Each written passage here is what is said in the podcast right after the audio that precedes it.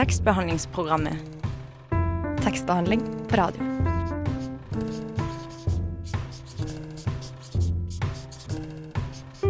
Tekstbehandlingsprogrammet.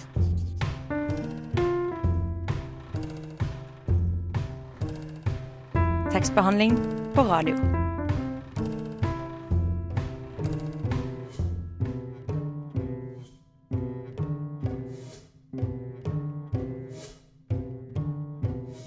Morgen og velkommen til tekstbehandlingsprogrammet, Radio Novas beste og eneste litteraturprogram. Nå er påskeferien forbi. De aller fleste har nå kommet ned fra fjellet, og Oslos gater begynner å bli fylt med folk som før. Jeg heter Robin Vandewale, og med meg i studio har jeg Anna Karoline Gamme. Hei, hei. Hei, har du hatt en fin ferie? Superbra. Var på hytta med mamma og pappa. Ja, så gøy. Veldig. Leste du noe kult? Hmm. Jeg kan ikke skryte på meg noe mer enn pensum, faktisk. Nei. Midt i hektiske eksamenstider, så da ja, Skjønner godt det. Hva med deg? Nei, jeg leste um, Havboka av Morten Strøksnes. Mm. Den hadde jeg hatt lyst til å lese lenge. Anbefales? Ja, herregud, den er kjempe, kjempegod. OK. Da skal jeg gjøre det. Flott. I dag får tekstbehandlingsprogrammet besøk av Brynjulf Jung Kjønn. Han er forfatter av voksenromaner, ungdomsromaner og barnebøker. Med hans siste roman, som heter Så vakker du er, fikk han Brageprisen for beste ungdomsroman i 2013. Han er kommet til studio for å fortelle oss om sin nyeste bok, som kommer ut i morgen. Det er en voksenroman, og den heter Alt det lyse og alt det mørke. Men først litt musikk. Her kommer Elida Høgalmen med sangen Winter Sun. Du lytter til Radio Nova på FM 99,3. Du hører på tekstbehandlingsprogrammet, og i dag får vi besøk i studio av den vestnorske forfatteren Brynjolf Jung Kjønn. Han er født i 1980 i Seoul, og vokste opp på en gård i Feios i Sogn og Fjordane. Han er utdanna journalist, og debuterte i 2002 med romanen Jeg kom for å elske. Siden da har han publisert flere bøker i forskjellige sjangre, både voksenromaner, ungdomsromaner og barne- og billedbøker. Hans siste roman, Så vakker du er, ble tildelt Brageprisen i 2013. Brynjolf Jung Kjønn, velkommen til oss. Takk skal du ha. Du er her i anledning din nyeste bok, som ikke er publisert as we speak, men som kommer ut i morgen. Alt til lyset og alt til mørke heter den. Hva slags bok er det du har skrevet?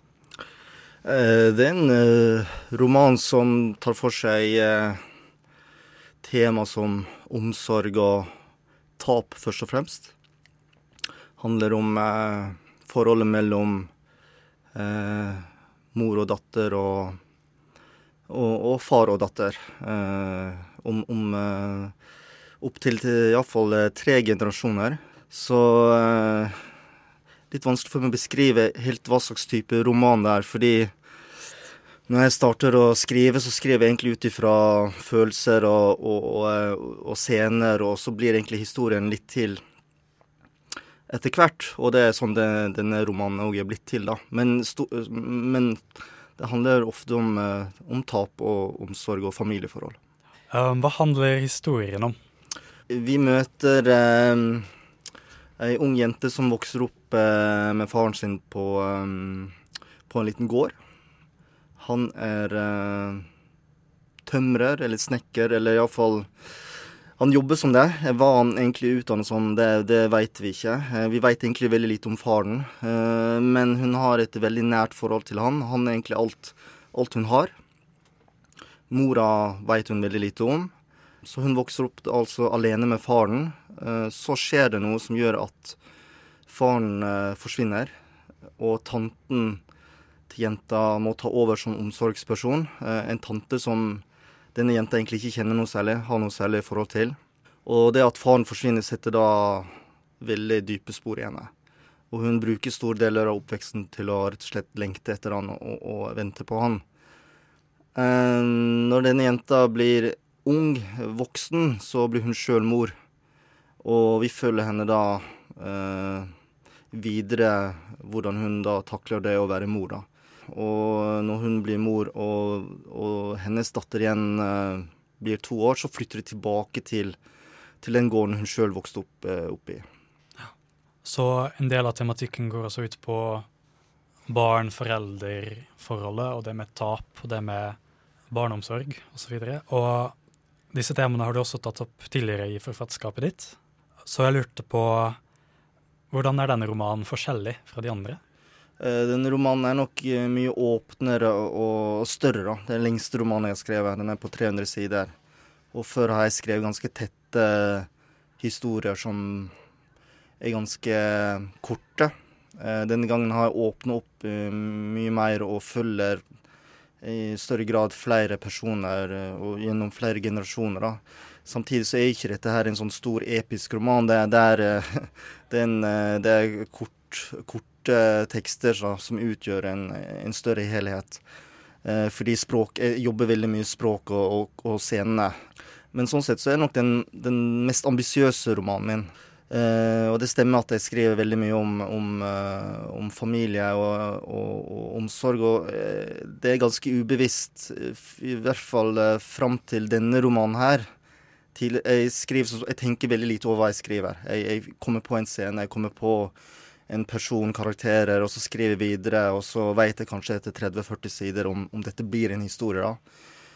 Og jeg vet aldri hvordan det skal ende, eller hvordan det skal utvikle seg. Men, eh, men jeg ser jo i tidligere romanen min at, at, det handler veldig mye om, om den samme tematikken, om, om familier som som går i oppløsning, familier som ikke fungerer eh, sånn eh, optimalt. Eh, men det er egentlig første gang når jeg skriver denne romanen at jeg har vært litt klar over det. Og nettopp fordi før denne romanen her så prøvde jeg å skrive noe helt annet. Jeg prøvde å skrive Ble egentlig oppfordra til å skrive noe helt annet, prøve noe nytt. løsrive meg fra familierelasjon, bygde- og gårdstematikken. Men det fikk jeg ikke til. Derfor har det gått tre år mellom forrige roman og denne. Jeg brukte to år på et prosjekt som jeg ikke fikk til fordi ja, eh, det var ikke meg, da. Og ved å gå tilbake til, til en velkjent eh, tematikk, eh, så, så klaffer det igjen med en gang. Men det er klart, jeg fornyer og jeg skriver, skriver, på nye måter. Og denne gangen så har jeg gjort det på en mer ambisiøs og større måte. Den formessige fornyingen, det skal vi snakke om senere. Men jeg lurte lurt litt på altså Du vender tilbake til de tematikkene mm. om og om igjen. Hvor kommer den fascinasjonen med disse temaene fra? Det har jeg faktisk aldri tenkt over før, før jeg fikk barn sjøl. Og, og jeg, jeg, er en sånn som har vokst opp uten å ha noen særlig interesse eller forhold til mitt eh, biologiske opphav. Jeg, jeg, har vært fornøyd med, med å være norsk, da, selv om Eh, selvsagt i tenårene har vært usikker på meg sjøl og identitet og sånn. Og fortsatt har vært det i, ganske, i, lang tid. Men, eh, men, det var vel nok jeg, da jeg fikk barn sjøl i 2008 første gang, at jeg tenkte over at dette er noe som egentlig har fulgt meg. Og at dette, det, dette med adopsjon er noe jeg har fortrengt og tenkt som at det er en altfor enkel forklaring på hvorfor jeg, jeg, skriver, og hvorfor jeg skriver om dette her. da. Men, eh, men, jeg tenkte ikke over det akkurat heller da at da jeg fikk sønnen min i 2008, så var det første gang i livet at jeg hadde noen som ligner på meg sjøl. Eh, første gang hadde jeg en person som jeg faktisk var slekt med biologisk. Og, og, kanskje fordi jeg har vært så forskjellig fra foreldrene mine på alle måter, og forskjellig fra fettere og, og, og, kusiner og onkler og tanter, at jeg At uh, det har blitt forsterka, den her At jeg har vært så ulik, da. Og kanskje derfor har jeg søkt etter dette her i litteraturen. Jeg har søkt etter å skrive og utforske dette med, med familie, dette med å ikke vite hvor man kommer fra, eller konsekvenser av, av, eh, av å miste noen uh, i tidlig alder. Og jeg gjorde en reise tilbake i Korea i 2012 eller 2011, hvor jeg fant ut at jeg var to år da jeg uh, ble funnet på en togstasjon. Og, og, på den tiden hadde jeg faktisk en to-treåring sjøl. Og, det, var, det, gjorde veldig inntrykk på meg, fordi eh, det er jo de to-tre første årene hvor, hvor, tilknytning til omsorgspersoner er, er det viktigste. Uh, så um, hva som skjedde de to-tre første årene av livet mitt, det vet jeg ingenting om. Men jeg tror um, Og det er liksom helt kvitt uh, lerret, altså for meg er det helt blankt. Men jeg tror jeg på en måte prøve å skrive fram noen av de følelsene og den, den litt fortvilelsen av å ikke vite hva som skjedde med meg, eller fortvilelsen over å kanskje vært uh, fortapt og hatt det veldig vondt. Jeg tror jeg prøver å skrive fram i litteraturen. Så jeg tror det er egentlig der det ligger. Vi skal nå høre på en ny låt. Her kommer Hvitmalt gjerde med låta 'Våken nå'. Her i tekstbehandlingsprogrammet har vi besøk av Brynjolf Jungkjønn, som er med oss for å snakke om sin nyeste roman, som kommer i morgen. Brynjulf, har du lyst til å lese litt fra boka for oss? Ja, det gjør jeg gjerne. Fars fingrar kunne likne krokete greiner, og de klumpete blodårene på oversida av handa likna snirklete røter. Fingrene var tynne og røde. Når han drog hendene sine over kinna mine, raspa det som en uhøvla treplanke. Noen ganger kjennes det ut som om jeg fikk flis i kinna. En rest av fars hud som blei igjen i meg. Saga bora seg gjennom trestokken. Jeg heldt meg for øyra, og sagflisen spruta som en snøstorm. Far sto midt i stormen, med vernebriller og øreklokker. Innimellom spytta han ut sagflis, hosta, men stansa ikke. Jeg kunne tenke på all sagflisen han hadde svelgt, at det la seg i magen hans. Kanskje var det derfor han nesten ikke åt, fordi magen alltid var full av deigete, seig sagflismasse.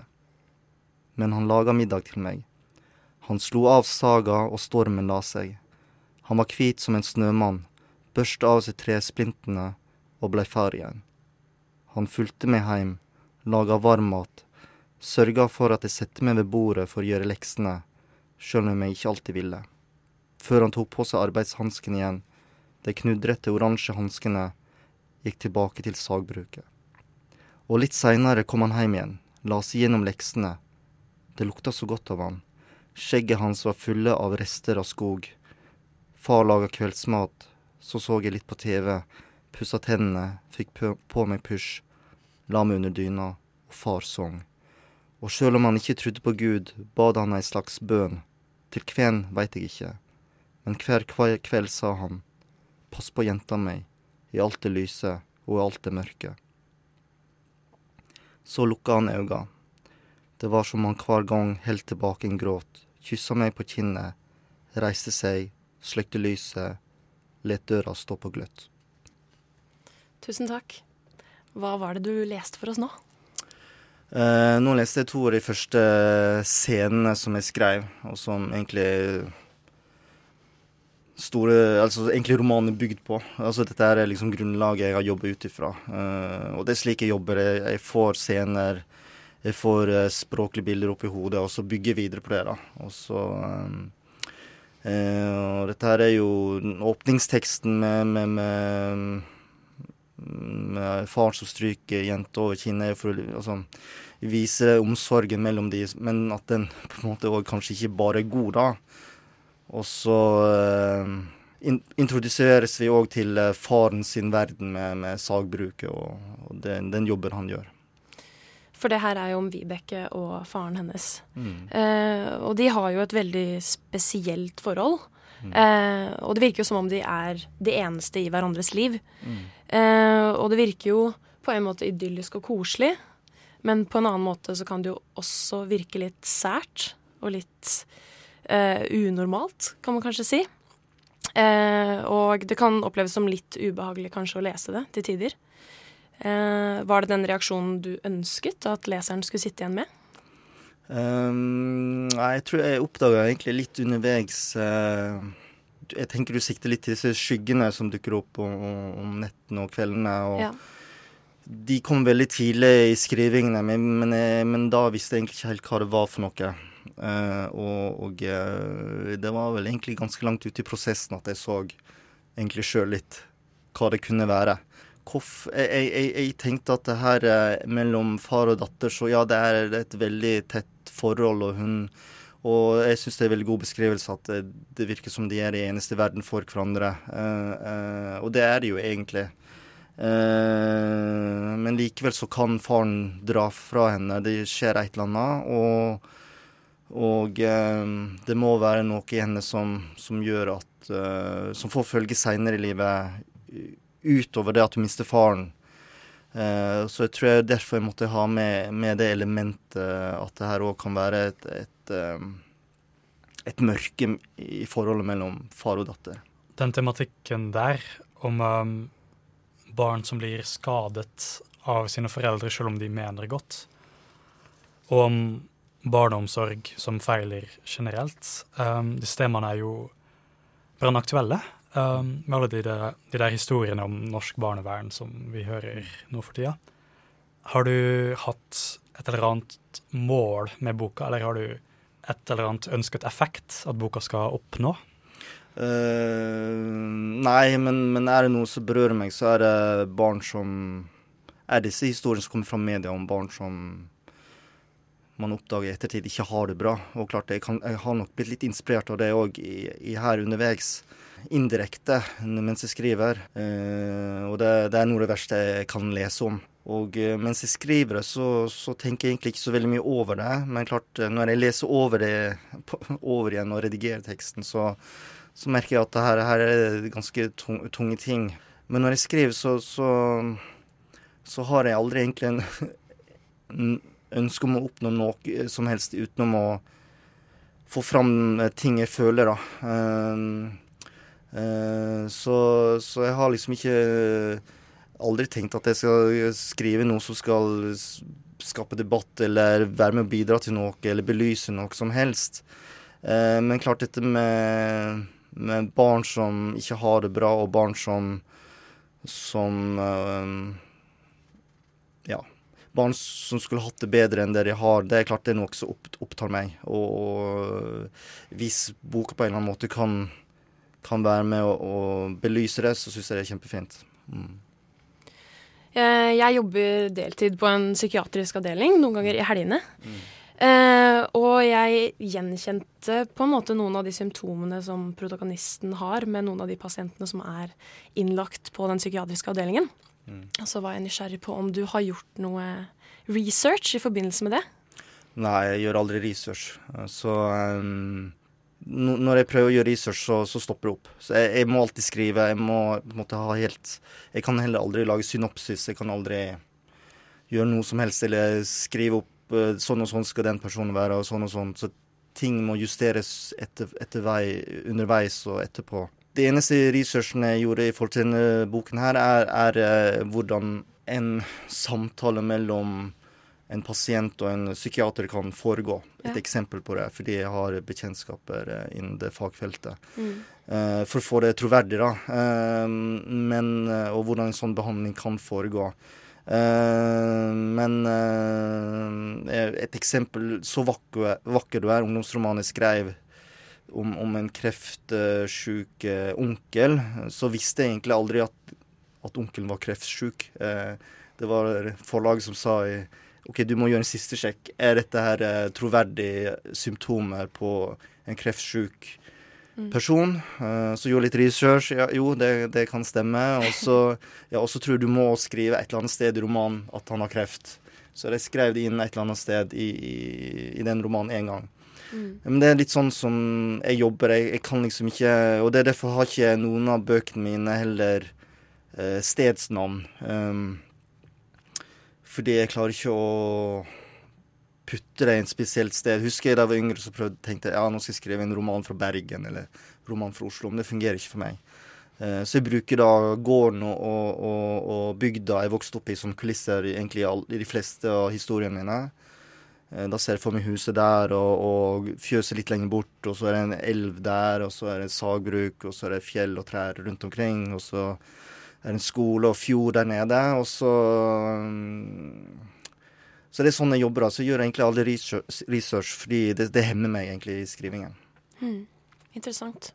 Uh, nå skal vi høre på en ny låt. Her kommer Leia med låta Zoo. Du hørte på Leia med låta Zoo. Uh, vi har fortsatt med oss Brynjolf Jungkjønn, som snakker om sin nye roman. Og i den romanen så er det sånn at historia gjentar seg. Det er de samme problemene som dukker opp i hver mm. generasjon om og om igjen. Og da jeg leste det, så tenkte jeg at den der, det er en sånn type determinisme i boka, som virker å være nesten naturalistisk. Altså Amalie Skram, det derre mm. Naturalistiske, dystre litteraturen. Jeg tenkte, hvorfor må det være sånn? Fins det ikke noen annen utvei? Hvorfor går de samme problemene igjen? Eh, det er et godt spørsmål, og det har jeg egentlig ikke noe godt svar på, fordi jeg, som jeg har sagt litt tidligere, at jeg skriver på en måte Jeg, har aldri noen planer om hvorfor ting blir som det blir, da. Og da jeg hadde skrevet ferdig historien, så, så var det noen, noen, hull å fylle. Og, og et forsøk på å forklare litt hvorfor det går som det går. Eh, det er nok det som har vært eh, eh målet med denne romanen her. Jeg tenker jo at ting kunne ha gått bra her med Vibeke, men, men men det, det, er et par store ting som skjer i livet hennes som gjør at det blir vanskelig for henne. Og så er en del lys i, i livet hennes òg som gjør at uh, ting ser ut til å gå i riktig retning. og så spørs det da, når hun sjøl blir mor, om det hjelper, egentlig. og så er det nå noe her at hun, hun prøver å få til det samme som faren, på en måte. Hun prøver å få til at hun og, hun og dattera kan ha den samme følelsen av å være de eneste i verden, at de skal klare seg sjøl. Eh, og kanskje på den måten òg eh, få han tilbake på en eller annen måte. Så, så, i denne romanen så ble det slik rett og slett fordi jeg skrev den sånn underveis. og det blir naturlig her, da. Mm. Men budskapet er ikke at har du hatt problematisk barndom, så blir du ikke foreldre, for det kommer til å gå galt, det òg? Ja, nei, nei, altså jeg tror um Eh, absolutt ikke. Og, og jeg, hvis, man, hvis, jeg tar meg sjøl som utgangspunkt, så, så, eh, så klart, klart oppveksten påvirker. Sant? Jeg har vært enebarn og følt meg liksom Bodd i verdens minste sted med 250 innbyggere, og vi var to i klassen. og altså, jeg følte, jeg følte meg som helt sånn forlatt, og i tillegg være adoptert og, og se helt annerledes ut. og være allergisk mot uh, gress og dyr og vokse opp på gård, uh, så for meg har det liksom vært viktig å gjøre motsatte når jeg ble voksen. For meg har det vært viktig å ha trygge rammer i forhold til å få en familie. Sant? Jeg, vil ha mange barn. Det har alltid Og uh, så, så, så, det trenger absolutt ikke være sånn at det som skjer i barndommen, gjentar seg. men men akkurat i denne historien her så ble det naturlig. Mm.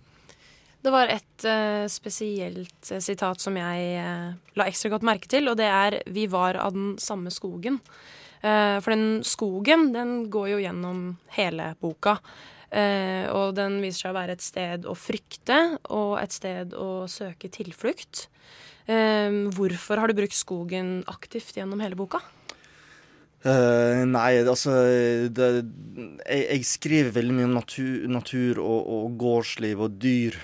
Døde dyr fordi jeg vokste opp på en gård og har en veldig ambivalent forhold til det. Uh, og skogen jeg, jeg, var alltid redd for skogen, i hvert fall når det var mørkt. Uh, turde aldri å gå inn der, og egentlig ikke gå forbi heller, for jeg var redd at det sto noen der og så, så på meg mens jeg gikk forbi. og og det samme forholdet egentlig til fjorden. Den var så mørk og stor og skummel, spesielt i mørket. Og klart jeg vokste midt imellom fjord og, fjord og skog, da. Og så har jeg vokst opp med en død dyr. Eh, sant? Man går, går, går i fjell og leter etter lam som man ikke finner igjen, og så plutselig tråkker man midt oppi halvspist lam.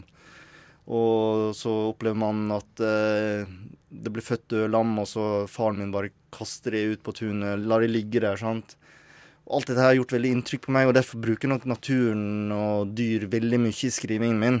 Eh, og, og, for meg er skogen noe som under oppveksten jeg ikke var fortrolig med. Eh, og jeg er kanskje ikke fortrolig med det, med det enda. Noe jeg egentlig på en måte reiste bort fra.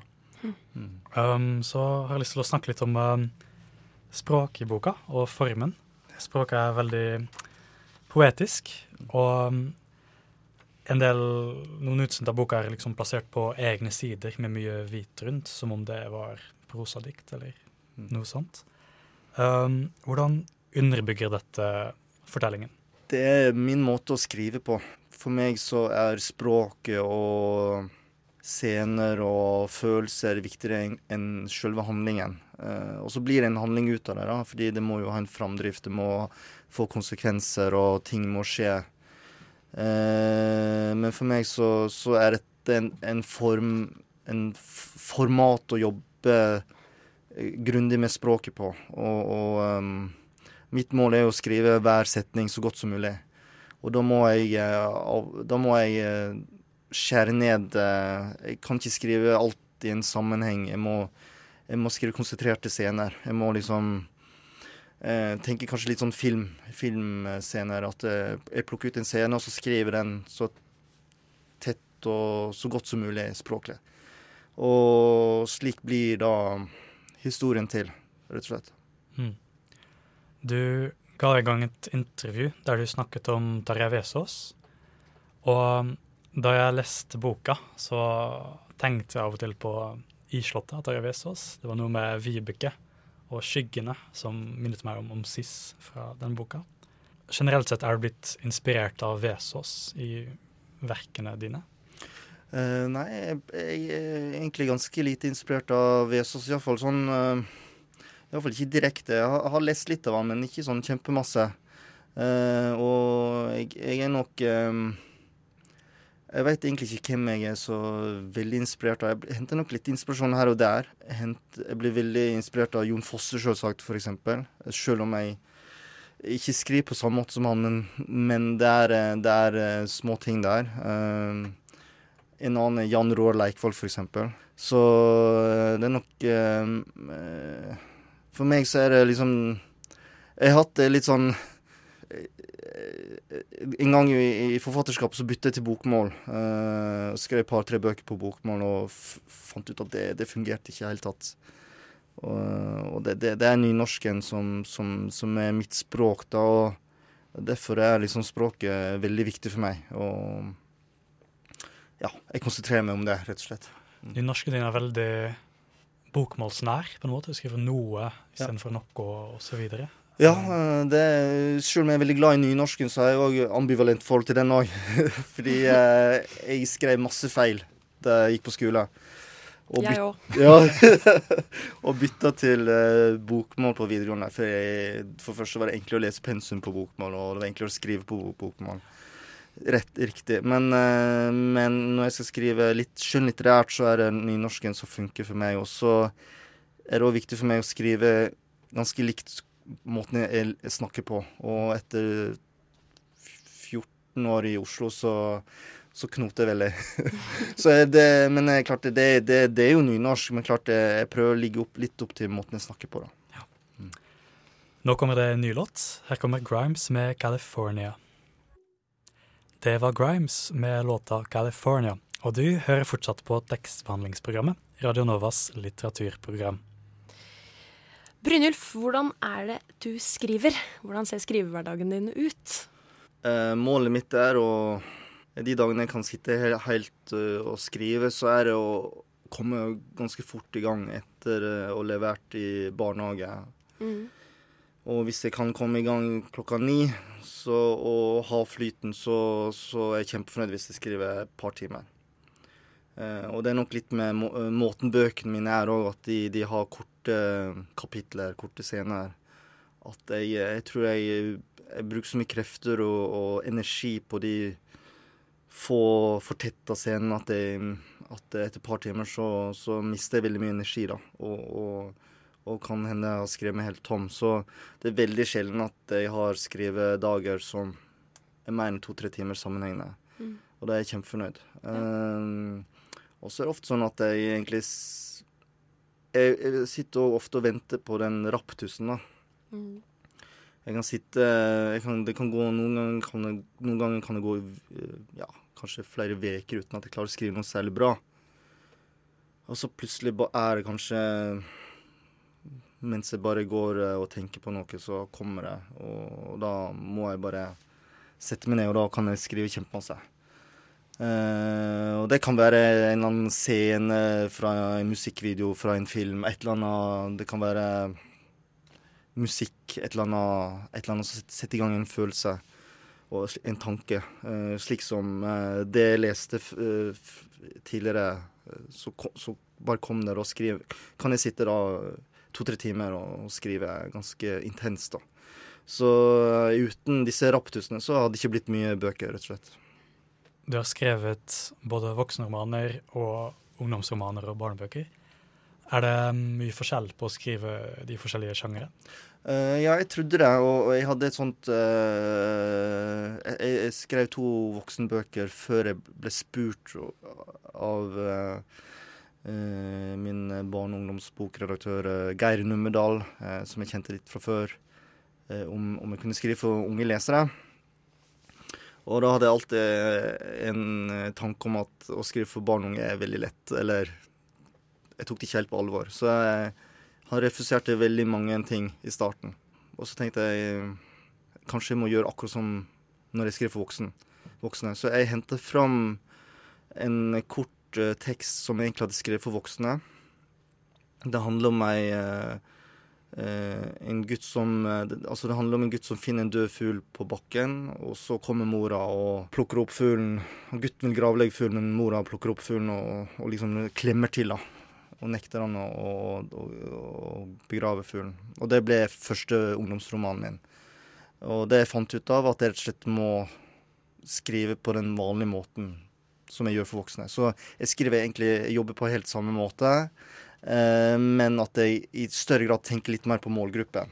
Eh, når jeg skriver for barn og unge, så må jeg tenke mer på målgruppen, at dette her har en mottaker som som er yngre, og så må jeg ha en litt eh, litt enklere historie, kanskje. Litt, litt kortere.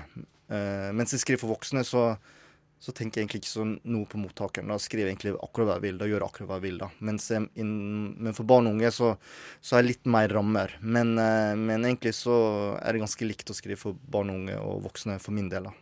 Ok. Mm. Og hvis du selv skulle definere deg selv som forfatter, ville du sagt først og fremst voksenromanforfatter eller ungdomsroman? Eller? Nei, forfatter, egentlig. ja, nei, altså, jeg er kjempeglad i å skrive for alle alder, og, og jeg har jo først skrevet Jeg har skrevet én bildebok, uh, men det er nok, det er nok ungdomsromanene uh, Ungdomsromanene lig, ligger veldig tett opp til voksenromanene mine, og det er nok fordi jeg husker så godt hvordan det var å være 14-15 år og, og, på en måte være annerledes og ha alle disse følelsene så jeg kan, le jeg kan leve meg så godt inn i å være en 14-15-åring, da. Eh, og være annerledes og sitte på rommet og skrive dikt mens alle andre gjorde helt andre ting. sant? Så, eh, så, så ungdomsromanen som sjanger ligger meg veldig nært. da. Flott. Uh, ja, jeg vil bare ønske deg lykke til med lanseringa, og tusen takk for at du kom til studio. Lykke til. Takk for at du fikk komme. Takk. Tekstbehandlingsprogrammet hver onsdag på Radio Nova klokka ti. Du hørte på låta 'Lena' av 80-tallsbandet eh, Zwei Belgen. Og nå skal vi høre et innslag laget av vårt redaksjonsmedlem Idun Svarverud om Roald Dahl.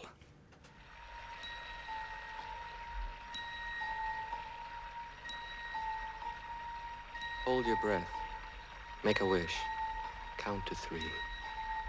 Come with me, and you'll be in a world of pure imagination. Take a look and you'll see into your imagination.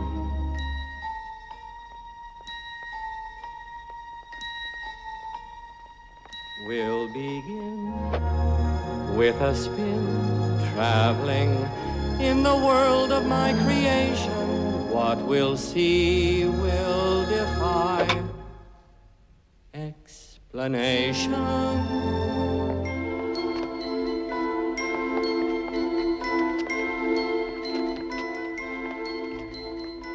Det er ikke så rart hvis du var noe kjent med det du nettopp hørte. Det var nemlig Gene Wilder som Willy Wonka fra den første filmatiseringen av Charlie og sjokoladefabrikken. Charlie og sjokoladefabrikken var bare én av mange av Roald Dahls verker som senere skulle bli film. Og det er ikke uten grunn at jeg forteller deg dette her. Den 13. september i år ville Roald Dahl ha fylt 100 år. Dahl er vel en av de norske forfatterne som har minst behov for en introduksjon, men bare sånn for ordens skyld, han var pilot, poet, novelleforfatter, romanforfatter, ektemann og far. Han var også en mann som var kjent for å være litt vanskelig å ha med å gjøre, men som likevel dro oss inn i en helt unik fantasiverden da vi var små. Han var dessuten litt ekstra viktig for oss nordmenn, siden han var født til norske foreldre og dermed norsk, selv om han skrev på engelsk og vokste opp i Wales. Her får dere et klipp fra Matilda-filmen fra 1996. Form a line across the room, quickly! Run, run, run! Don't keep me waiting! Fill this gap! I expect you're wondering what I'm talking about. Hmm? Yes. A child came to my house. I don't know how, I don't know when, I don't know why. Is Miss Trunchbull, may, may I? No, you may not. But I know a child came. So, did you know it was illegal to enter someone's home without their permission? Yes, Miss Trunchbull. Sir. Stand up straight, some again, shoulders back. There var Mrs. Trunchbull. Noe av det som gjorde Roald Dahl til et unikum innen barnelitteraturen, var hans evne til å tulle med ting som egentlig ikke er noe morsomt i det hele tatt. Han kunne spøke om et barn som forgiftet sin egen besteforelder, om å falle utenfor et stup eller ned i en kjele, eller om foreldre som ble spist, eller søte små jenter som faller ned en ekornsjakt. De typiske tingene vi har mareritt om som barn, altså. Men han gjorde det på en måte som gjorde det morsomt, engasjerende og nesten sjarmerende. They look quite hideous behind and can only be distinguished from ordinary women if you are sharp enough to spot the purple tinge to their eyes. Real witches have no toes. Their feet have square ends, revolting stumps where their toes should be. So they never wear pointed or pretty shoes, just plain, sensible shoes. Remember these things. Perhaps if Erica had known them.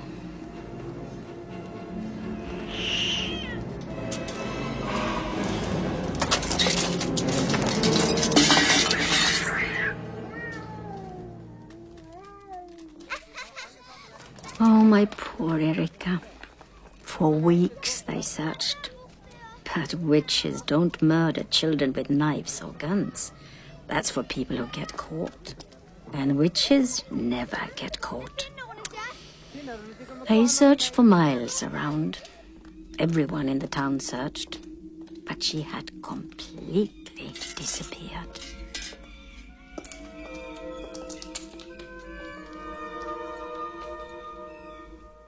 I was there in Erika's house six weeks later. Good day, Fran Larson. Come in, Helga. Have some cake. I was her best friend when it all happened. Then that day, while Erika's mother was pouring the coffee, her father came walking towards us. It was as if though he had seen a ghost.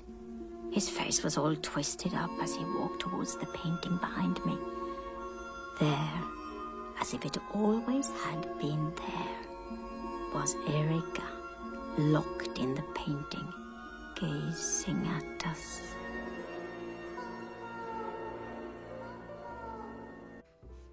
Det var et utdrag fra Heksene, filmatisert i 1990.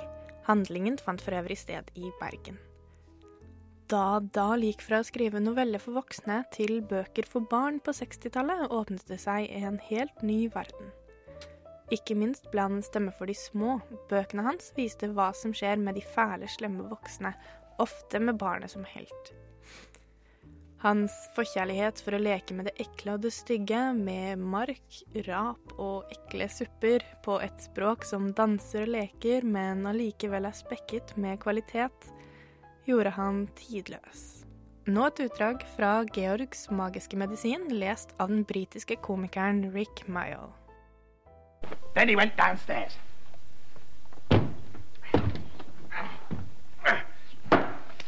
In the laundry room, the shelves were full of all kinds of household items. The first one was a large box of Super White for automatic machines. Dirt will disappear like magic. George didn't know whether Grandma was automatic or not, but she certainly was a dirty old woman, so she'd better have it all. There was a round cardboard carton on the shelf. It said, flea powder for dogs. Keep well away from the dog's food, because this powder, if eaten, will make the dog explode. Good, said George, and he poured it all into the saucepan. The next box was canary seed. Perhaps this will make the old bird sing, said George. Well, now, thought George. Grandma's medicine is brown, so my medicine must be brown too, or she'll smell a rat. A good way to colour it will be with this tin of brown shoe polish. He scooped it out with an old spoon and plopped it into the mixture. Ah. And he was just about to go into the kitchen when he saw a bottle of gin near the door. Grandma was very fond of gin. She was allowed to have a small nip of it every evening. Now he would give her a treat. He would pour in the whole bottle. And he did. Til slutt vil jeg egentlig bare si én siste ting. Sitter du der som voksen og hører på og ikke er helt sikker på hvem Roald Dahl er, så har du et alvorlig behov for å lese deg opp på barnebøker. Sjupp, sjupp, ut med Willy Wonka.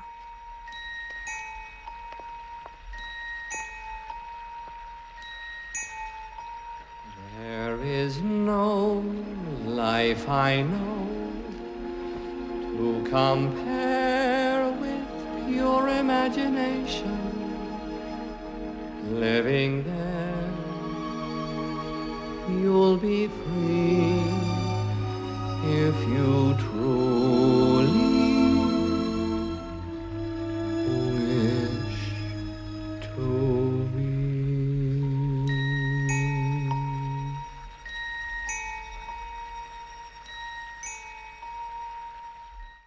hørte på et innslag om Roald Dahl av Idun Svarverud.